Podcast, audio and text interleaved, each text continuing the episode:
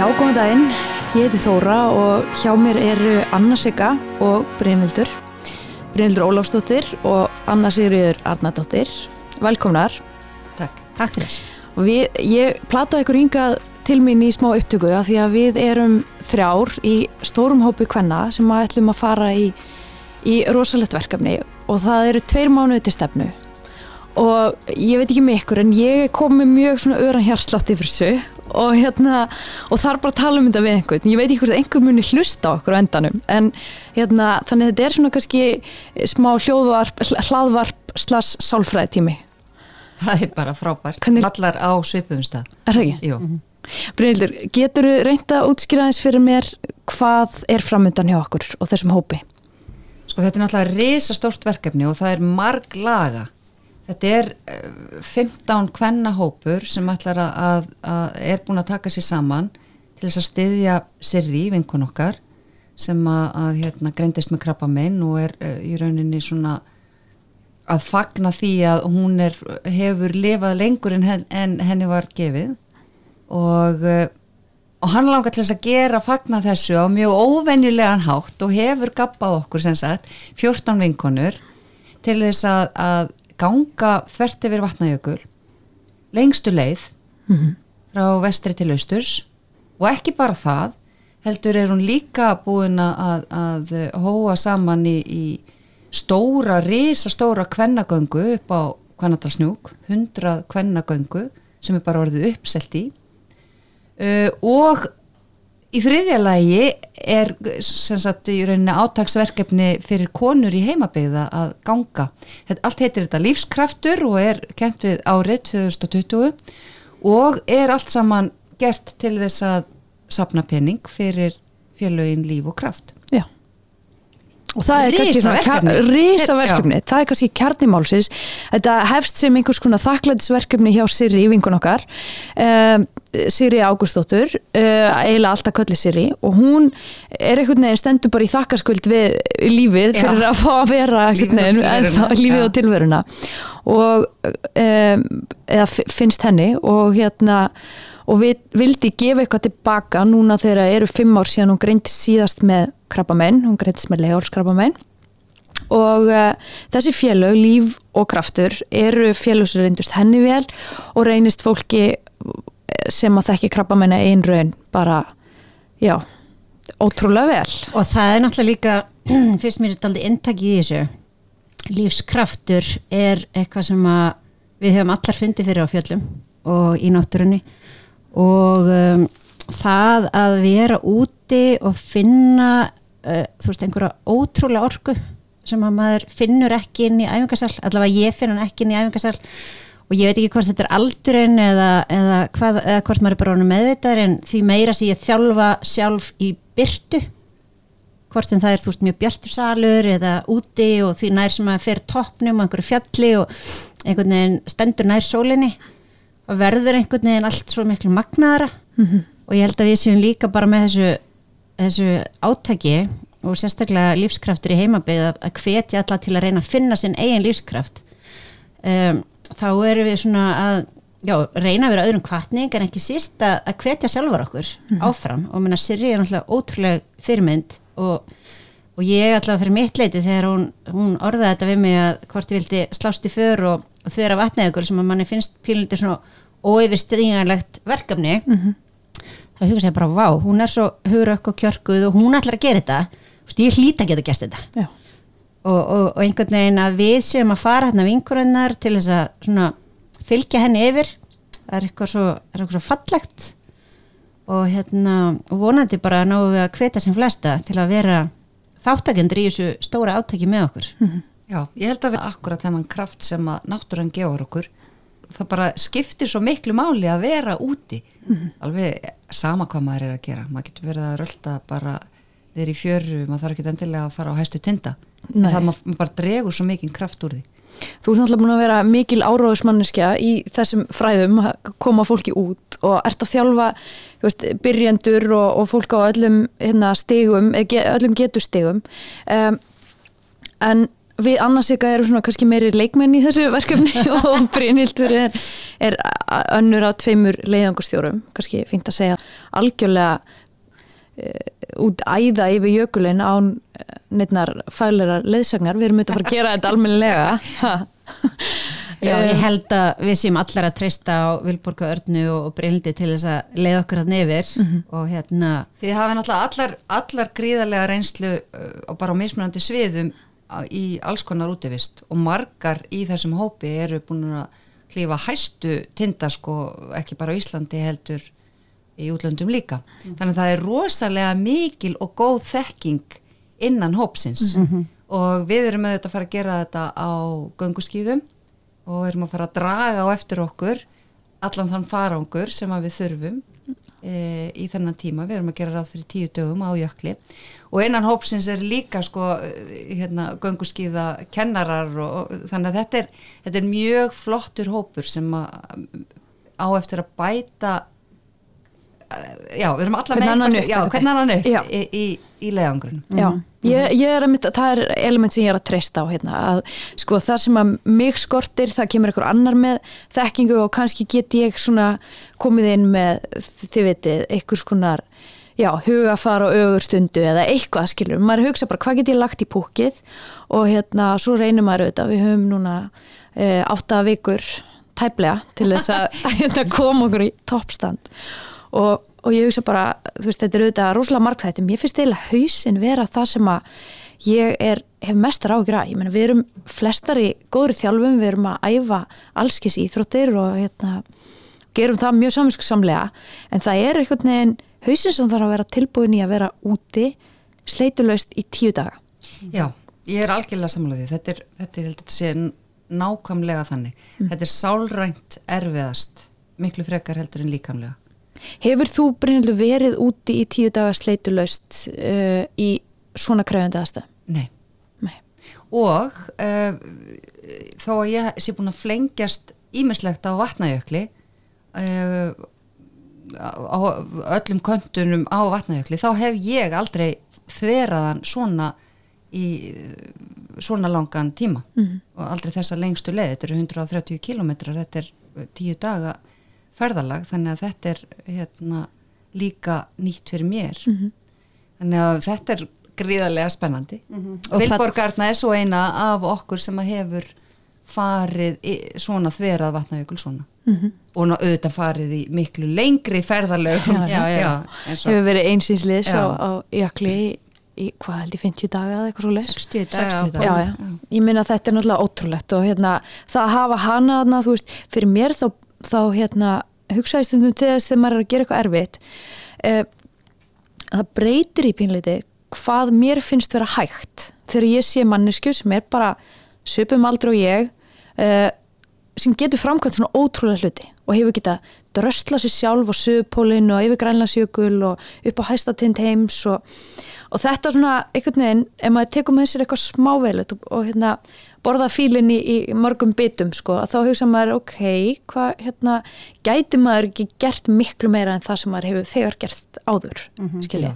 Svo er þetta náttúrulega líka bara spurningu um þú veist, réttan búnað og ég held að við séum allar að vinna með það um, erum náttúrulega að fá mjög góðan stuðning frá 66 gráði norður frábæran fatnað mm -hmm. og erum búin að vera í æfingarlegangur um að æfa handtökinn og bara það að tjaldi óveðri pakka tjaldi óveðri komaði fyrir á púlkunni uh, vera að vinna með þessa bensinprímus inn í tjalduna á þess að kveikja bæði sjálfur sér og tjaldinu. Mm -hmm. Þar hef ég mestar áhugjur að ég myndi stefna hóknum í voða þegar ég á að fara á bensinprímusi og, og þá er einmitt eins gott að við erum einmitt nokkra saman og þú ert ekki einstins liðis. Þannig að hérna, uh, eins og við erum að leggja upp með að vera þrjár og þrjár saman í tjaldi þá ertu náttúrulega með einhverja tjaldfílað og það er þetta að skipta með sér verkum og einn munu án efa mastera prímusinn. Mm -hmm. Og einhver annar er frábær í að móka snjó og sækja snjó eða byggja varnargarð umhverfistjaldið eða eh, skiljið mig. Mm -hmm. Þannig að það verður alltaf svona einhver verkaskipting. Upplegið er að, að, að eh, svona dreifa þessu en það er oft þannig að fólk einmitt, kannski treysti sér ekki alveg eða ég kannski næri ekki tökunum á þessum bensinprímur, svo verður það bara úti í því Þú verður bara í það að móka, eitthvað. En ég hef myndir að hlusta svona á, á reynda pólfara og fólk sem er að hérna, brölda svona í tjöldum upp á jöklum og í krefandi aðstæðum og, og þetta er náttúrulega mjög mismunandi hvernig verkaskiptingi verður í svona leiðangrum og það var náttúrulega eftir að koma í ljós með okkur. En til dæmis hérna stundu eða e- eitt svona þáttur sem ég var að hlusta um daginn þar var voruð með annar aðilinn sá um allt í tjaldinu eftir að búið var að reysa tjaldbúðir, það gerir maður auðvitað saman. En þegar að komið var inn í tjaldið þá var það einn sem að sá um allt eh, einn daginn og næsta dag að þá skipt, var, var skipst á. Þannig að, að hérna Já, það var eitthvað svona verkarskipti sem, sem þeir þótti ótrúlega sniðug, þannig að, því það er svo mikið bras, það þarf að sækja snjó, það þarf að bræða snjó, það þarf að koma sem e, fjárhansprímus í gang og láta hann virka og það þarf væntalega að búa til marga hérna, katla af, af sjóðheitu vatni sem síðan þarf að nota í eldamennsku og, og heitt te og allt þetta. Brynhildur, lístu aðeins fyrir okkur svona þessum verkum sem við þurfum að vinna þegar við erum komin, komin í tjaldbúðir. Já, sko, fyrst aðeins með þessa verkaskiptingu að það dettur oft svolítið í þannig, ég ferðast mest í svona aðstæðu með manninu mínum og það hefur einhvern veginn dottið í þannig verkaskiptingu að ég sé um að blása upp dýnurnar og koma öllu fyrir aðkvöldi og ganga öll frá öllu inn í tjaldinu aðmátni en hann sér alfærið um eldamennskuna mm. Að, en saman síðan uh, hjálpustu að við að reysa. En hvað maður þarf að gera, já, þetta er þegar að, sko, í fyrsta lagi erum við að ganga eins, uh, já, getum verið að búast við því að ganga 8-10 tíma hvert dag þegar að viður gefur og þá reynum við að ganga bara sem lengst. En svo tekur við mjög langur tími og það, við að koma upp tjálpúðum og koma sér fyrir og bræða snjó og mér finnst mjög oft þegar að, að fólk er að byrja að fara í svona vetrar útilegur að þá hugsa það með sér já ok, það, það dimmir núna eitthvað um 6-7 letið hvað á ég síðan að gera? Þú veist og fólk heldur að það geti bara lagst fyrir og lesi bók eða eitthvað svo leiðis en það er tekur bara allan manns tíma allt þetta stús í kringum þessi litlu smáatriði að næra sig einhvern veginn að koma skjólinu fyrir, vera hlýtt og maður er bara, gerir í rauninni ekkert mikið meira. Nei, mér veist einmitt ágætt þegar það er svona andlega, þú talar um andlegan undirbúning, þegar maður er að hugsa sko hvernig dagur er minn lítið út, þá er ég svona búin að búti þetta niður í, ok, ég vakna, þrýr tímar fara bara ég vakna, borða, bræða snjó, ganga frá tjaldi og svo framvegis, gera sér ferðabúin, áttatímar ganga, þú veist, vera á ferðinni og síðan er það fimm tímar bara aftur tjálta byrja elda bræða mér í snjó, bræða mér í snjó bræða mér í snjó, fara að sofa þú, veist, mm. og svo sofa við átta tíma mm. þannig að þetta verður líka, ég held að sko maður þarf að vera til í að þetta verður svona pílindi bara eins á hverjum deg, rosalega rútína rosalega svona agaður dagur mm. og hérna en ég ég hef samt engar áökjur með þennan hóp sko, húmórin er alltaf skamt undan og það er alveg ótrúlega jákvægt þegar maður ferðast með svona kraftmiklum konum og það er allir til í að veist, ekki bara aðstöða heldur líka bara að vera svona hei, þú veist, slá og lettur drengi ja, og ruggla hans í leðinu ja. Og eins og við hefum verið að tala um á æfingum stundu þegar maður er að ljúa sjálfum sér. Þú veist, maður er kannski orðin rosa þreyttur og þá bara er maður hérna, er það alveg að koma sól? Eða á, það er bara klukktíma eftir þú maður viti að það séu fimm tímar eftir. Þannig að þú veist, það er líka þetta að vera ekki alltof alvarlegar mm. ekki alltof hérna fastar í því að maður sé rosalega leðangri, ég mitt bútið það niður bara í klukkutíma eða dagurinn í dag og, og ég persónulega ætla að reyna bara að gleyma mér, í staðan fyrir að vera svona ok, nú eru búin með þrjáta, þá eru svona bara ekki dagar eftir. Mm -hmm. vera bara helst í einhverju flæði og bara svona upplifa Já, maður þarf að, að, að, maður þarf að njóta þess. Já, þetta sé bara svona hugleist Þetta, þetta á að vera gaman, af hverju væri við aðeins annars? Nei, ég meina þetta, þetta er, við erum að gera þetta fúr smáfrálsum vilja, langa til þess að gera þetta. Þetta er gaman. Já.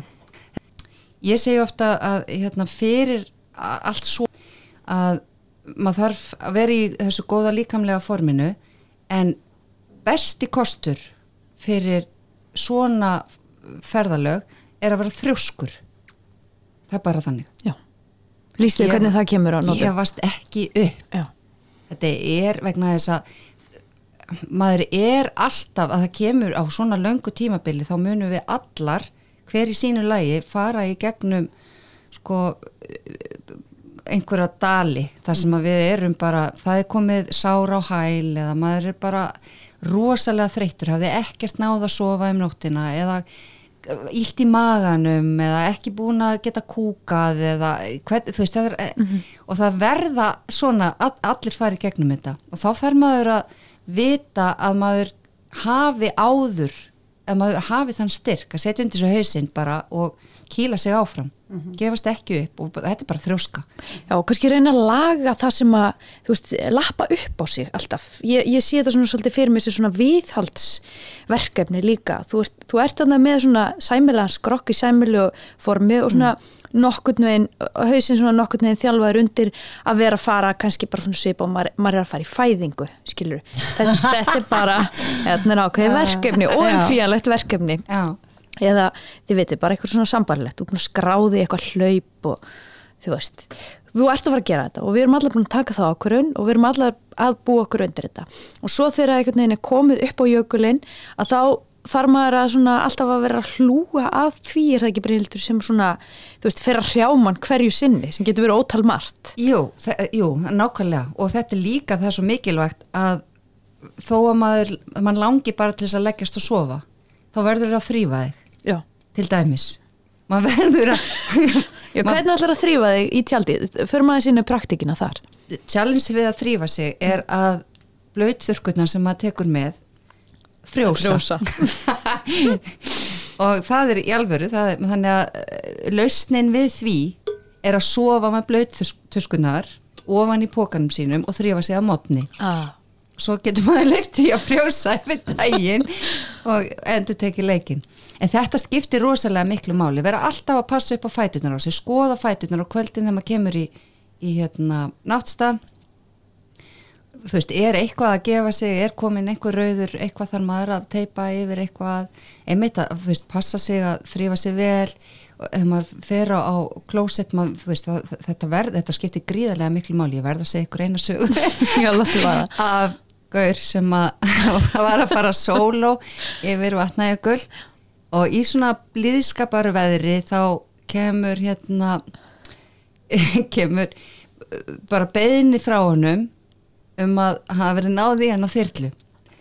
Og bara, bara emergency evacuation af vatnajökli. Og það er spurt hvað, hvað er að og hans vill ekki segja neitt. Og svo er komið til hans og bara þeir hérna, hífa hann upp með dótinu og, og hann er bara svona rosalega hress og rosa fínt veður, það er ekkert að búnaðinu hjá honum og þeir bara skilja ekkert í þessu. Hann vill ekkert segja en þeir fá út úr honum á endanum eftir mi mikið hérna, nöldur í honum. Hann ætlaði sem sagt að vera svo klár og að hérna auðvelda allan þryfnað hjá sér með því að hann rakaði öll hárin af rassinum á sér.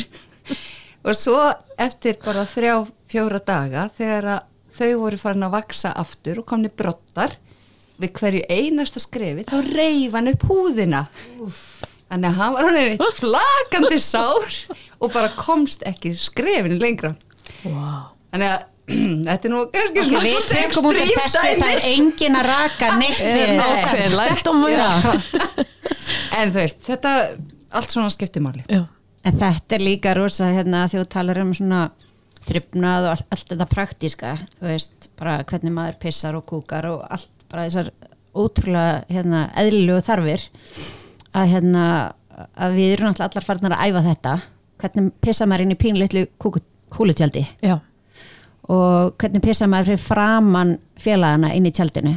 Freka þröngt og, og, og veðri kannski brjála úti og þá erum við að nota þessar frussur sem eru svona framlenging fyrir hvernmanns líkamann já, til þess að geta pissað í flösku.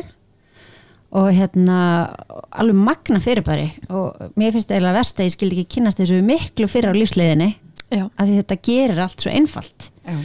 og hérna um leiðum að getur mastra þetta á þess að bara pissa gjásanlega yfir sig náttúrulega og svona mastra hvernig þetta snýr og allt það þá hérna verð, veist, þetta er svona, svona litlu skrefin þegar maður er búin að geta sér, já ok, það er ekkert mál að pissin í tjaldi, já ok, það er ekkert mál að grafa hólu og kúka hvað sem er, já ok, ég er búin að mastera það.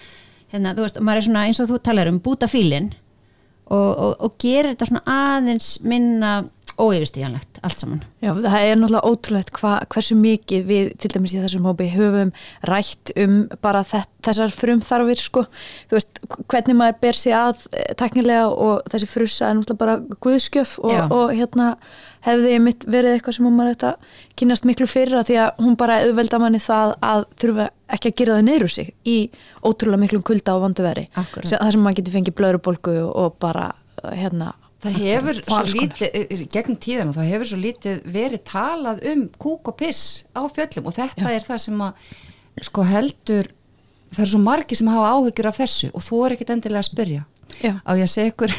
Eru fleiri sögur? Bara núnum síðustu helgi að þá var ég sem að stóri ferð þar sem við vorum að tjálta uh,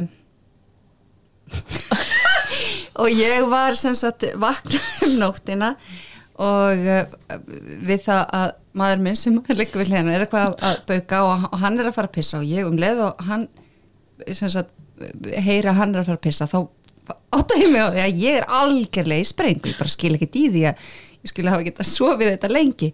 Og ég er að býða, við vorum bara með eina pissuflösku þannig ég þarf að býða á meðan hann er að pissi pissuflöskuna og losa úr henni síðan svo ég geti pissað hérna og þegar ég fæ lóksins spesialökskuna þá er ég bara orðin það spennt einhvern veginn að ég gef mér ekki tíma til að fara úr sveppbókanum heldur er bara fjórum fótum í sveppbókanum og bara læt vaða hérna, með frussuna í annari hendi og pisslöskunni í henni og alveg bara aah og ég er ekki fyrrbúin að bara sleppa öllu en að ég átta með á því að flaskan 500 millilitrar er bara að fyllast frekar rætt og eiginlega á svo miklu hraða. Og ég hugsa með mér, það er bara miklu meira sem ég þarf að pissa eldur þessi 500 millilitrar.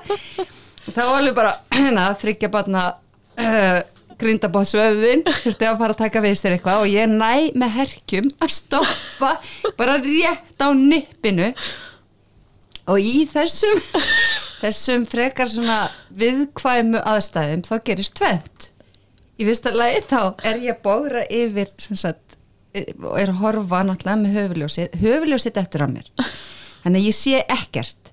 Og ég annað stað og sama augnabliki þá reki hárið í rennilásin á tjaldinu og fortjaldinu og ég festi það þannig að ég er först og ég get, ekki, ég get ekki hreift mig með hendina sem satt inn á frusin og hina á flöskunni sem er svo full að það er ekki, má ekkert út að bera Þetta, ég, ég, oh Róbert þurfti að, sko. sagt, maðurinn minn þurfti að koma og hann þurfti að rýfa hárið bara uh, til þess að losa mig. Ég rétt náði að hella á flöskunni og halda áfram að pissa en enda niðurstaðan var svo að þetta voru nærböksurnar örðublöytar, öllaböksurnar örðublöytar, ég var með svona silkilænir inn í pókanum, hann var allir pissublöytar líka, þannig að betur fyrir ekki pókin. Nei en þarna var alveg bara þrengt sem að þurfti og ef ég hefði verið að halda áfram í tíu dag þá hefði bara þurft að þurka þetta ofan í sveppbókanum mínum og fara í þetta landblöyta einn eftir uh -huh. Þannig aðstæður þarf maður bara að setja sig inn í. Akkurat. Svo svakalega eru afleðingar þess að pissa þess út fyrir og það er náttúrulega það sem að allavega þið meistararnir, þú og Vilborg hafi verið að brína fyrir okkur. Eina sem við vitum að við verðum á einhverjum tíum búin mjög blöytar mjög raktar, okkur mhm. verður mjög kallt og hérna ágæta að svona bara setja sér inn í það. Já ok, ég get ekki farið að væla af því þú veist, það verður öllum kallt, það já. verður allar blöytar það eru allar að fara að vera á einhverjum tímpúti sárar eða þreyttar og svo framvegis. Og ég held að það sé ágæta að hafa það hugfast líka að maður er hluti af mjög mikilværi keðju eða svona maður er bara, maður er bara eitt handhjól í keðjunni. Og hérna uh, að maður svona leifi sér ekkit að fara í kvartið. Öst, og ég held að það sé mikilvægt allir hópurinn sé að hugsa þannig Þetta er svona ábyrðar hlutverk sem við gegnum allar og gungust allar undir að veist, fara ekki að verða kvartarinn í hópnum. Að, að, það síðasta sem ég vil er að mér, mín verði minnst í þessum hópu sem kvartarans. Frekar vil ég fá hælsari og bara þegja við því. En hérna En það, þarf, það er líka mikilvægt að tala og segja. Ég segi það. Já, að því að maður þarf líka að fá hjálp við að, að hérna, bregðast við því sem upp á kemur ef að maður er með halsæri og svona. Að því það er alveg munur á því að, að segja frá og fá aðstóð eða kvart og nöldra. Já, eða vera neikvæð. Hérna, þetta við munum allar deyja er ekki hjálplegt. En hérna nú þurfum við, erum við í, í erfiðum aðstöðum og þurfum að taka um stór okkar, Já. það er hjálplegt Ég, til dæmis var eitt sem ég var svona brasa með einmitt, þetta pisseri, þetta er, þetta er svolítið, hérna, svolítið láskorun og þegar maður hefur kynst frussunni þá er maður komin á góðan stað og til dæmis hjálpar maður er í línu eða eitthvað upp á jökli að þurfi ekki að, þú veist, heyrðu, ég ætla að klippa mig úr línunni, ég ætla að fara hérna bakvið þá bara byrðum að fólk aðeins um að stoppa og hérna, og loka augunum og, og eins og einhver sagði bera ábyrða sin eigin bleiðunarkjönd í smá stund. Já, blessu verðum að bara pissar í línu. þá bara pissum maður í línu og, og frussan er náttúrulega bara stórkoslega í það. En svo hérna var ég að læra síðast þegar við fórum í ferð að bera sig að sko hvernig maður gerir þetta þegar maður er í tjaldi og ég til dæmis þarf mjög ofta að vakna meðanótt og pissa og þá fannst mér svolítið gaglegt að hérna að fá þarna ákveðna tekni að það veri gott að gera þetta sko á hérna að fara upp á hnén og setja á sig frussuna og halda þannig á flöskunni. Þá ekkert neginn nær maður bæ, bæði jafnvægi og maður nær að slaka á og þetta svona já, þetta var alltaf góð tækni. Eina sem hann bara þarf að passa er að vera með svona 700 til eins Góða lítra flösku. Já. ég er að meta eins lítra flaska sér alltaf máli. Og já og hérna það sem festa ekki hárið. Fæst ekki að hári já. í einhverjum og hlýfa já, fara upp úr sveppokanum það er eiginlega vegna þess að ef að það, það verður eitthvað slis að þá er gott að vera ekki ofan í sveppokanum að gera þetta, vera bara í andirun en svo getur líka verið annars konar slís eins og hérna tjaldfélagi minn lendi í því í æfingarferðin daginn að hún er sem sagt að hita vatn fyrir okkur eftir hún fyrir að sofa e, ofan í svona flöskur Ó, já, sem að virka, já, virka eins og svona hitapókin okkar. Og ég var farin að kalla litlu hitaflöskunum mína bara kærasta minna því ég bara svona vafði mér utan um þessa litlu flösku og held að mér hita og hún er sem sagt nýbúin að ræða flöskurum og onni í söppbókan okkar og, og svo fer hún að pissa og síðan allt hínu stekkur hann til og rýfur upp söppbókan og hann er allur rennblöytur af því að flöskan hefði sagt verið svona pílundu opinn og, og, og góðra á dýr og við fyrir að henda pókan út á tjaldinu og reyna, reyna hérna, dust af hann út í snjóin og ég hugsa bara, jésus, ok, klukkan er hérna eitt um nótt, við erum að vakna til fimm tíma því það er að koma brjála veður þetta verður eitthvað fjask og nú byrjar eitthvað ball. Nei, nei, mín kona bara lítur hún í rennblöytan söppokan og segir, já, já, það er ekkert við þess að gera. Ég er bara onni hann, ég er bara hittan ég hugsa bara, vá, tjóðis naglar þetta. Já. og svo því ég fór að herma þetta upp á hana tömdu og setna þá svo hann, já ég gæti ekkert annað gert. Ég vissi ekki nema þið væri bara geðviki töffarar þannig ég ætla ekkert að fara að láta finna mér einhvern bilbug sem er náttúrulega líka bara og ég hugsa bara mjög oft núna þessu æfingatímabili til þess aðtöks ok, það er bara sama hvað kemur upp á þú ert ekkert að fara að taka eitthvað hérna æðiskast. Nei, eða flippa yfir einhverju. Og svo er líka bara gott að hugsa um hérna stóra samengið þú veist, bæði hérna, við erum á jökli já, ok, ég meina forfeyður okkar fóru jökla. Á tunnustöðum segðu, einmitt. Og við erum hérna í allra besta góritegsi sem völ er á með dúnúlpur með þvílíkan skófatnað og svo framvegis. Þú veist, ef við getum þetta ekki í þessum búnaði já, þá erum við frekar Þá erum við frekar slappar. og eftir allan hann undirbúning líka mér finnst hann eiginlega sko, þú veist, þegar ég fari í eitthvað svona ferðarlag sem að ég hugsa áallt tilbaka til að þá þótti mér að skemmtilegast að við ferðarlagin var undirbúningurinn. Þú veist um, þegar maður tók eitthvað svona stórt skref og hérna reyndi eitthvað á sig að þá þykir mér bara svo vængin af því að, kannski bara því ég er mjög kátísk manneska eða svona eðlisfari svona, svona skorpu manneska ekki auðvelt með að hugsa leggja plön langt fram í tíman eða eitthvað svo leiðis en þetta hjálpa mér rosalega mikið, líka andlega að bara svona, já þetta er hérna undirbúningstímabilið og þú veist og þá fer maður að borða öðru sig og maður fer að passa ógisla vel upp á svefnin og maður fer og svona hverjum degi þá kom svona ný lítil atriði sem maður er að hlúa að og hugsa um og þetta er einhvern veginn hefur svo mi- mikil sko svona markvöldur áhrif þetta verður svona áhrif á líka hvernig ég er í bara vinnunni og engalífinu og, og ég er ekki að segja ég verði alltaf betri ég verði örgulega leiðinlegri þú veist að því maður er alltaf að horfa í þessi svona smáatriði sem bara skipta svo miklu máli í löngum undirbúningi. Og mér finnst það að vera svona það er partur af kikkinu við að gera, taka svona stóri áskorun og reyna að, þú veist sanna fyrir okkur sjálfum við erum allar að því, en sanna fyrir okkur sjálfum að við getum eitthvað sem er erfiðara heldur en við gert áður. Þú veist, og hérna ég veit ekki hvort tengi við þetta en þetta er eitthvað sem ég hugsa ógeðslega mikið um mm -hmm. svona, Ég tengi algjörlega við þetta, mér finnst miklu skemmtilega að þjálfa þegar ég er með stórt markmið. Og hver æfing verður einhvern veginn svo mikið hérna, svo mikið meira, mikið meira virði. Og, og fyrir utan að það er alltaf miklu skemmtilega að mæta æfingu. Og, og mann langar út allan dag, maður tímir ekki úst, tím ekki að vera einhverstaðar mjög lengi frameftir eða veit, neyta of mikils áfengis eða eitthvað sem að gera verkum að maður er ekki í toppformi. Mhm. og, og, og ég, meni, ég held að við séum allar hérna þar að við erum sko lögutum og sunnundum og maður nýtir allan tíma sem maður getur til að komast út og eiga helst langa æfingu. og ekki að því að einhver er búin að segja mann að maður verða að gera það, þetta er meira bara mann langar svo rosalega að vera úti Mhm.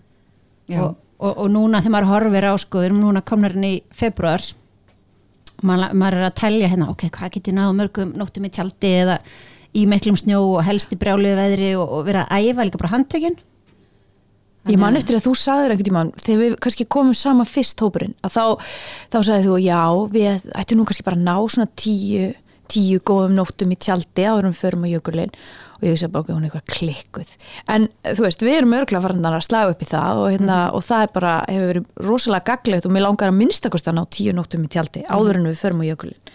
Og hérna og ég finn það líka bara, þú veist, hvað skiptir miklu máli bara það að hafa farið í gegnum ferlið að raðin í tjaldið, maður lærir lærir eitthvað nýtt í hvert einast skipti þú veist, hvernig maður á að grafa hælana þegar að það er ekki góð snjórundir hvernig maður á að, æði viti bara allt þetta sem kemur með reynslunni og maður er að reyna við að sér að á sko metraða skilu, og svo er þetta, finnst mér líka mikilvægt að maður sko að þess að löngu, að því þetta er um, þetta er ekki snerpa sem að maður þarf í, maður þarf svona uh, úthald, þrjóskan muni, hérna, langir dagar trekk í trekk. Þetta er, þetta er eitthvað sem maður sko maður þarf að ná góðum löngum dögum fyrir, í æfinga undirbúningnum líka Já. sko en þegar maður til dæmis fer út og æfi sig og er kannski sem maður gangi okkar fjall og hérna er kannski út í 5 klukkutíma svo fer maður inn í bíl kaldur og hrakin, svitin storknar á manni maður er sko engastund að missa uh, hittastigið í líkamannum niður og, og svona vilja fara í heitt baði, heitan pott bara strax, það, þessi möguleiki verður aldrei fyrir hendi í þessu verkefni. Og, Nei. og þá er spurning, hvað ráð hefur þau eru búin að ganga í 8-10 klukkutíma? Við uh, svitna ekki fyrir það fyrsta. Já. fara ekki það hratt að maður sé að svitna. Og hópurinn uh, sko verður öruglega á einhverju svip ólíku róli segi hann er ekki allur á þeim stað að fara kannski alveg það, fó- fólk er alveg þó sama þó að allir séu í svolítið góðu formi að það er alltaf aðeins, sumir eru heitfengnar aðrir og þannig að þetta er bara spurning um að nota lögin sem sagt, ef að mér er orðið kalt vegna þess að við erum að fara of hægt fyrir sagt, mína líkamstarfsemi, þá bara klæði ég mig í, þannig að mér sé ekki kalt. Ef að ég er að svitna, þá klæði ég mig úr. Þannig að við erum bara að tempra okkur með að við hraða hópsins. En við erum auðvitað að ferðast á einum hraða og við erum að finna þetta, þannig að bæðið sá sem er sem sagt, við erum kannski aldrei að fara neitt hraðar heldur en hægasti eh, meðlumur hópsins en erum samt að reyna að finna einhvern svona millivega. Þetta er- verður alltaf challenge í svona stórum hópi Og og, ég er það bara alltaf. og það verður líka challenge að því það er náttúrulega ekki lausu keppniskap margar konur í þessum hópi. Og ég held að veri líka bara svona maður þarf að stilla sér inn á ok, við erum ekki keppni. Nei, það verður ekki farið hratt. það er enginn að fara tímamæla Nei. dagan okkar. Nei, og við erum ekki, sko, þetta er ekki auðvitað viljum við fara sem lengst á hverjum degi og ná sem flestum kílómetrum, en við erum samt að gera þetta skinsamlega vegna þess að þetta er langklaup, þetta er ekki, ekki að eh, takmarkið er ekki að komast yfir jökulin á sem slá einhver meti á sem skemstum tíma, Mhm. Þetta bara að gera þetta skinsamlega. Ég var að hlusta á eitt podcast sem þetta þrjumit í hug þegar við erum að tala um að sumir eru svona keppnismanneskjur, aðrir eru gjörsamlega lausi við það og hérna og bara stöðugt í að einhver svona upplifunar dæmiskiliði Já. að njóta en hérna eh, ég hlusta á daldi skemmtilegan og lúðalegan norskan podcast þátt á dögunum þar sem að var sálfræðingur að lýsa því hvað hefur góðu ferðafélagi að bera hvernig áttu að verða góðu ferðarfélagi í svona ekstrím aðstæðum eins og kannski við erum að fara inn í. Það var til dæmis þetta sem er kannski bara þekkt úr sálfræðinni að ef þú ætlar að gaggrína einhvern sem er með þér, þá verður þú eiginlega að vera búin að gefa honum uh, tilabúðum til þess að hann geti tekið gaggrinni á einhvern svona góðan hátt, uppbygglan hátt og án þess að hafi svona destruktiv áhrif á hann, Mhm. neikvæð áhrif á hann. sko, eh, Þetta sem ég pínu áhugast, því að eigum við þá bara að vera sífelt og hún var ekki að tala um og eftir að vera að segja við alla stelpunnar í hópnum að það væri svo sætar öllum stundum, en kannski að svona tjá að þér lífi vel og að sjáu þið núna hvað þetta er gaman Já. og veist, minna á þegar að gengur vel, að það sé gott gengi. Og, og þessi hlutir hjálpa til við að gera okkur alla móttækilegri fyrir því þegar við erum að klúður einhverju og þurfum að fá að heyra það eitt af því sem við ætlum að gera Já. núna í aðdragandanum uh, er að setjast niður með einmitt svona sálfræðingi sem er coach. Og uh, ég hef gert þetta áður fyrir svona, svona stór verkefni að hópurinn í heild sest niður og skrifa niður hvað er það sem einkennir góðan, góðan ferðarfélaga hvernig vil ég láta tala við mig ef að ég er að bugast og svo framvegis. Þannig að við eh, svo deilum við þessu hver með annari ég til dæmis nenni ekki að láta segja ó, ó, við mig. Ég bara, ég, ekki vorkun Nei, enga vorkun, ég þarf bara, hvað, komdu inn, ég vil láta bara alltaf segja, vera honest um mig, sko, og bara svolítið svona reka, reka hrútsvarnin í mig, en það er, svo- þetta er svo mismunandi, sumir vilja láta koma mjög mjúkt að sér og láta klappa sér og segja, er ekki allt í lagi, hvað get ég, skilur ég, ég verð stundum svona, fæ öðruvísi viðbröðu því, þannig þetta er svo mismunandi Já, þetta er og þetta er rosalega gott að vita fyrirfram. Þá veit ég bara, já Þóra hún, hérna þegar að hún er dán og ég sé að hún er dán núna, þá viljum bara fá að vera í friði. Já. Og þetta, þetta bara skiptir máli. Mér finnst það rosalega gott þegar, þegar ég er svona alveg kannski bara við það að fara að grenja sem gerir svona ekkert oft í svona þið vitið, þegar maður er komin á þólmörkum og maður er svona að missa hausinn þá finnst mér ógæslega gott þegar einhver kemur og léttir stemninguna og, og rugglar aðeins skilur, já, meiri Ok, blíða um skilur, annars ekki að ég trist á þig hvað Nei, en ég vil lendi til dæmis svona aðstæðum bara upp á sveinstindi, þú veist, það sem að bara við, við vorum bara stopp og hérna, það vissi allir að við, við vorum eiginlega komin á þenn þann stað að við, við þurftum að snúa við og hérna, og þetta var akkur, akkur þar á því augnablikju, ég var svona ég var ekki komin að því að fara að grenja eða komin að þolmörkum en þið vitið, og það var svo helviti gott að það var einhver við hliðan á manni í línunni sem að, þú veist sá alltaf fyndna við Já, þessar aðstæðurnar. eh, frekar erfið aðstæður Já. og, og svona, æ þið vitið losa aðeins um spennustiði sem að Já. myndast en það, svo eru svona karakterar og það munu alltaf, sko hópurinn mun þú ætlar að segja um það. Já. Ég er rosalega góð í að, að hérna, segja, nei, þetta gengur ekki. Já. áfram með þig. Já. þú veist, að vera svolítið hörð. Ég er rosa fín í að vera herfóringi Já, Svo er þurfum við náttúrulega líka að lesa hver aðra. Og, þú veist, og ég hef oft lendið því þegar maður er í aðstæðum bæði hefur maður sjálfur svona kert á einhvern vegg og maður fattar það ekki. Þú veist, maður er bara einhvern veginn farin að lappa eins hægar eða eitthvað og maður einhvern veginn er ekki registrað og maður er kannski pínu rugglaður að þá er rosa gott að einhver horfir á mann bara heyrðu, ég sé hvað er í gangi því vandar orku. Og byrja jafnvel bara að dæla einhver í mann. Já, því maður er hefur oft ekki vit á því sjálfur að byrja að næra sig. Uh, minna, samaskapi hef ég verið að ganga með fólki sem að ég horfa viðkomandi og ég sé bara, að, heyrðu, ok, hvað er til í mörgum úlpum? Já, Eða, allt þú veist, og mikið ertu í þremur flýspeysum eða þið, vitið. Og þá- erfiðara. Já, Já. og þá er fólk einhvern veginn alveg bara verið allt svo þungt og bara hausinn hættir að starfa og þannig ég held að sé líka mikilvægt að þessum alltaf að reyna að lesa hver aðra En þetta er, þetta er greiðlega mikil ögun og það er það sem við þurfum að, að, að setja hausin inn í er, við þurfum að taka þetta á mjög agaðan hátt. Við erum að ganga í klukkutíma í senn og svo stoppum við í 5 til 10 mínútur og svo höldum við áfram og við göngum í klukkutíma í senn og stoppum aftur. Þannig að inn í þessum klukkutíma þá skiptir einhver máli þó að ég fatti að varirnar á mér sé að springa og mér langi til þess að setja á mig varasalva. Eða ég sé nú rosalega þyrst og mér langi til þess að fá mér eða stoppa. Því ég er ekki að stoppa alla línuna til þess að gera þessi smáætri ég er ekki að fara að pissa inn í þessum klukkutíma. Ég er ekki að eða taka selfie. taka selfie, ég er að drekka eða setja mig varasalvi eða neitt svo leist ég býð með allt þetta þanga til að við erum komin í stoppið.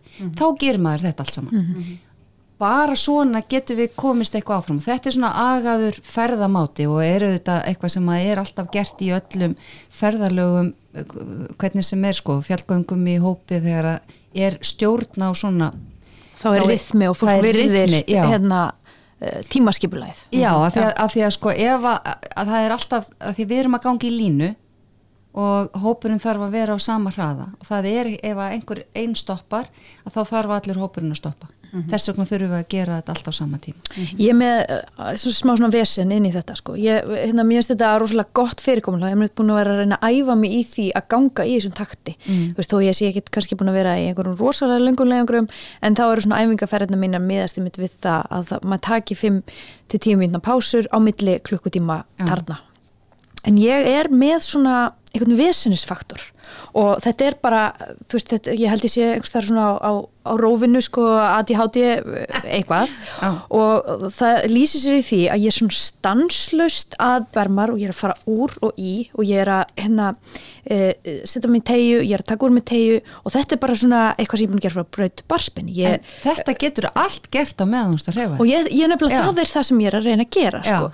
án þess að taka með töskuna skiptum fyrir þá getur maður verið svona tógi ermarnar, brettu ermarnar Algjörlega. laga húuna þetta, þetta, er, þetta er svona létt uh, þráhyggja eða, eða eitthvað, ég veit ekki hvað ég hérna, kalla þetta, en ég hef heyrt sko aðra sem eru svona einhvers staðar á ofverknisspektrinmunu Já. ræða nákvæmlega þetta Já. element, að vera svona stanslust að fykta í litlum hlutum þetta er bara, þetta er einfalt að gera þetta meðan maður er á gangi vegna þess að maður þarf ekkert að stoppa til þess maður er bara, þarf að hugsa þetta fyrirfram, vera búin að skipulegja fyrirfram Já. að þú getur tekið að þið vettlingana og þú getur sett á einhver staðar á líkamann á þér eða, eða bakpokan án þess að stoppa og setja hann ofan í bakpokan Akkurat.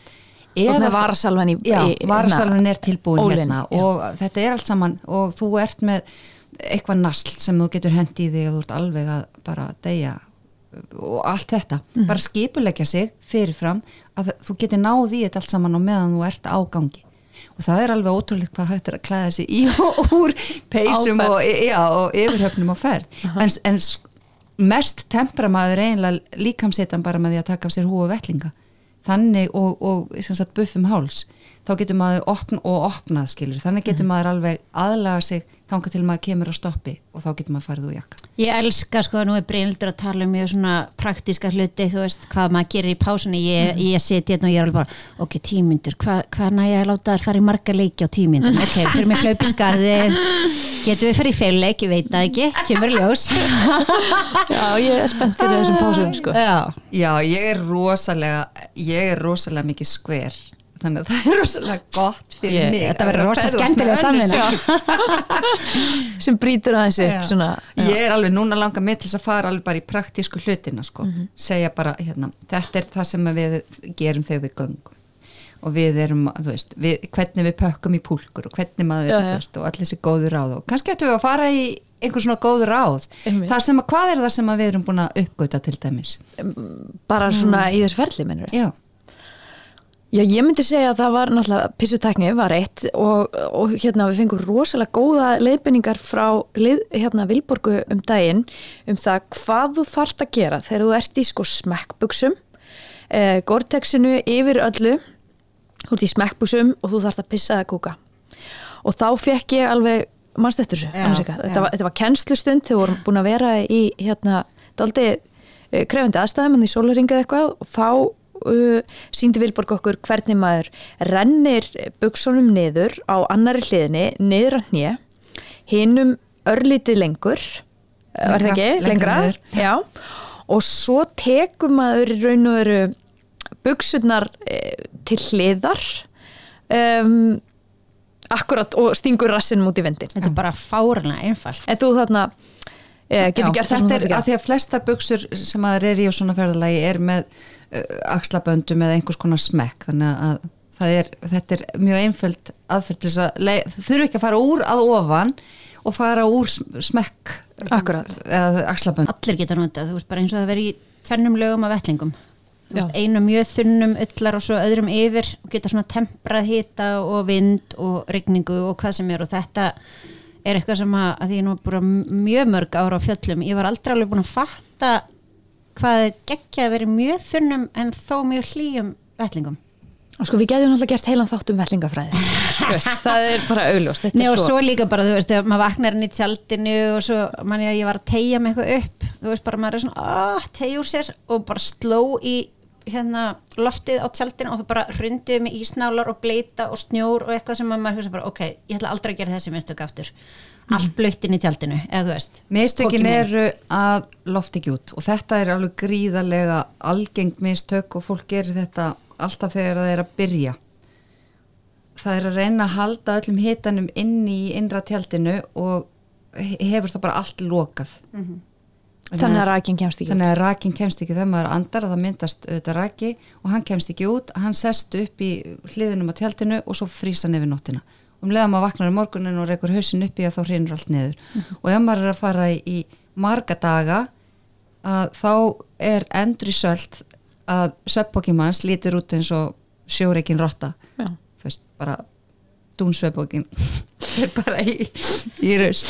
Þannig að það sem maður þarf að gera er að opna báðum hliðum uh, út og ef að aðstæður bjóða upp á jafnvel á ytratjaldinu líka. Og stundum er að segja þegar það er ekki ef það er vindur þá getur maður kannski aðeins gert hérna, opna minna. En ef það er ekki vindur þá stundum er bara erfitt að koma í veg fyrir að komi Hrím á hrím innan. á En ég heyrði mitt eitthvað hérna svona ráð frá þeim Börgi Ásland og, og Nick Hornanda sem voru e, í stóra leiðangrunum mikla e, og þá voru þeir að tala um að sko þegar að hrímið og hjákvæmilega myndast á innra tjaldinu að þá væri gott ráð að þegar þú vaknar um morgunin og, tjaldið er svona augljóslega bara orðið hvíta innan að þá kveikja þeir á bensínprímusnum í hérna, örstuttastund og síðan taka þeir nestisboks, ferkanta nestisboks, nota lokið til þess að skafa þegar ísnálaðnar eru pínlítið farnar að bráðna, þannig að þeir frussist ekki út um allt, þess vegna kveikja hann á prímusnum og svo skafa þeir loftið í tjaldinu ofan í boksið bara svona eh, skipulega skafa yfir Já, skipulega bara eins og vera að skafa svolítið framrúinu bílnum, skilur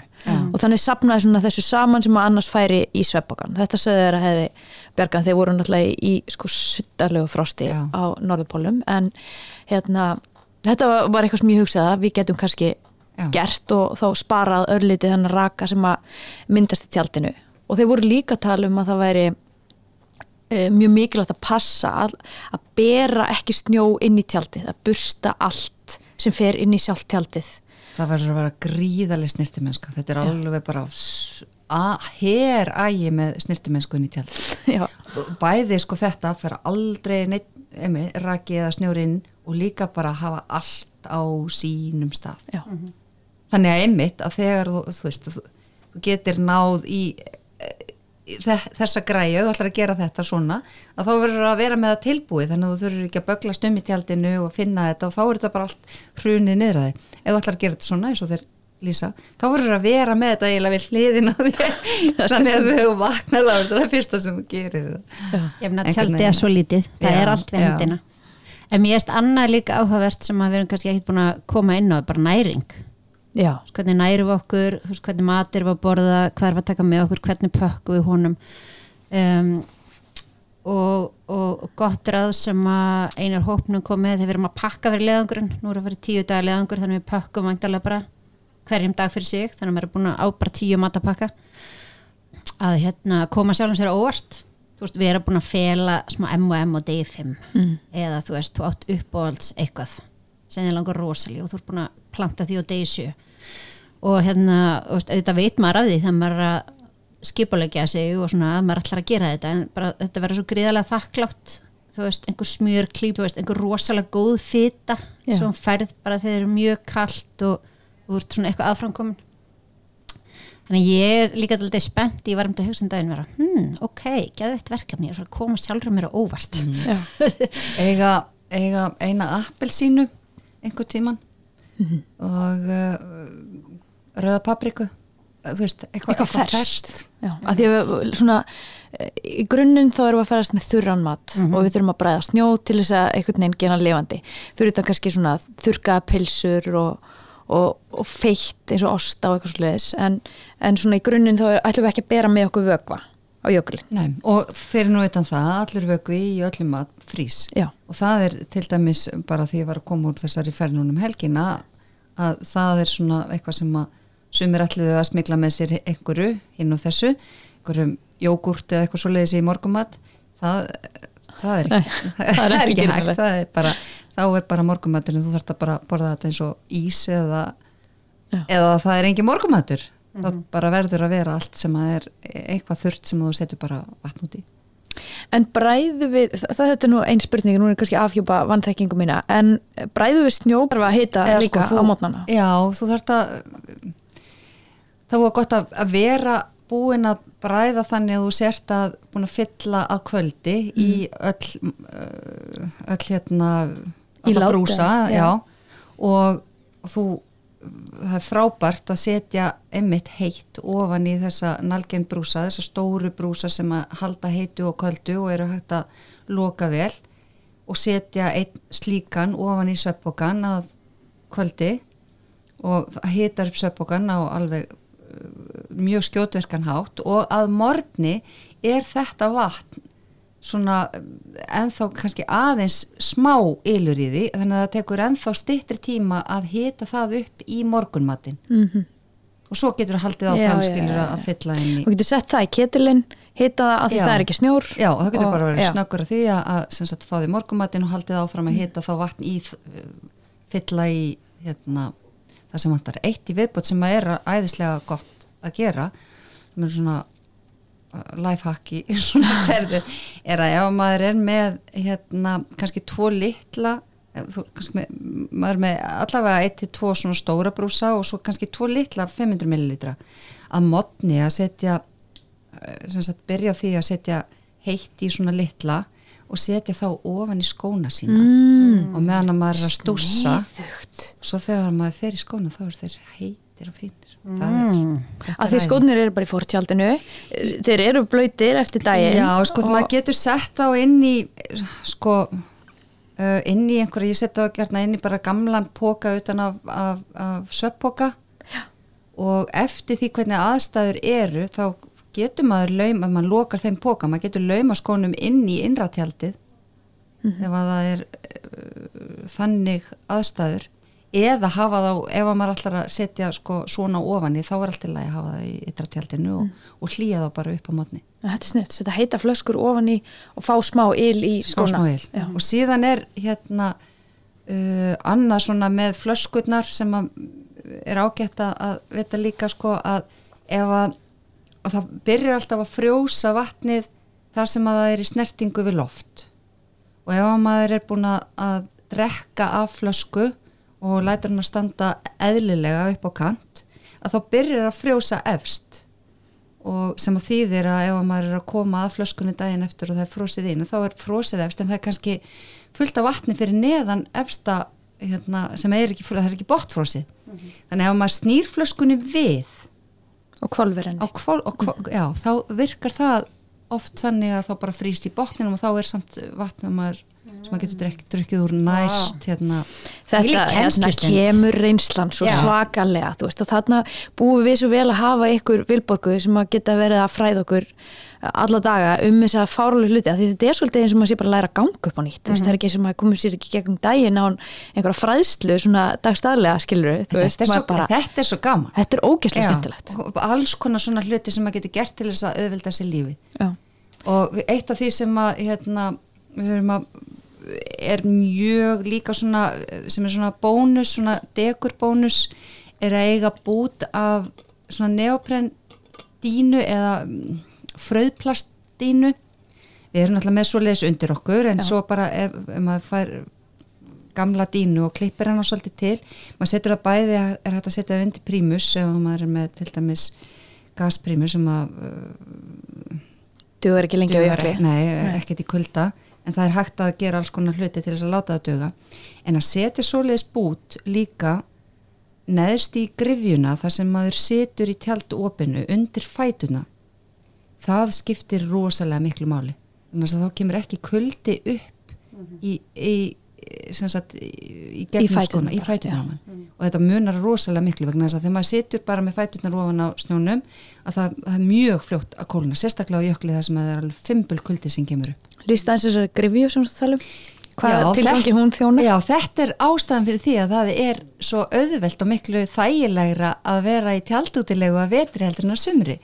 Vegna þess að í fortjaldinu þá bara grefur maður niður þannig að maður getur setið inn í tjaldinu með fæturna bara í, í þægilegri 90 gráðu beigju niður í grifjuna og svo er, er fyrir framann þá er maður með svona bara eh, fráleg sporð. Bara frábæra eldunar þau bara. já, já. og þörfum fyrir að sitja eftir svona langa göngu hún eh, hérna, segi fljótt til sín og líka það að í tjaldinu þá erst alltaf svona hálf bógrandi. Já. ég hlakka persónulega rosalega mikið til að borða 5000 kalorir á dag. Ég bara, þú veist, þetta er náttúrulega rosalegt magna mat sem við þurfum að vera að innbyrða og rosalegt magna kalori ó, það er svo gott að borða út í kvölda og þú veist, borða heitan mat í tjaldi eftir svona erfiðist daga. Þú veist, ég, ég hlakka gott. mest. Allt er svo gott veginn. En ég held að við komumst ekki mikið lengra í þessu, þessum sálfræðitíma í dag. Þannig að uh, einhvers það verður að setja punkt og það er líka spurning hvort við séum ekki komin í sko afar hérna fámennan hóp eh, áhuga, hérna, áhuga fólks. Og við ætlum að halda þessu aðeins áfram og við ætlum að halda áfram að undirbúa okkur fyrir vatnajökul sem að stefnan er sett á 1. apríl. Þannig að bara kæra þakkist þér. Takk fyrir okkur. takk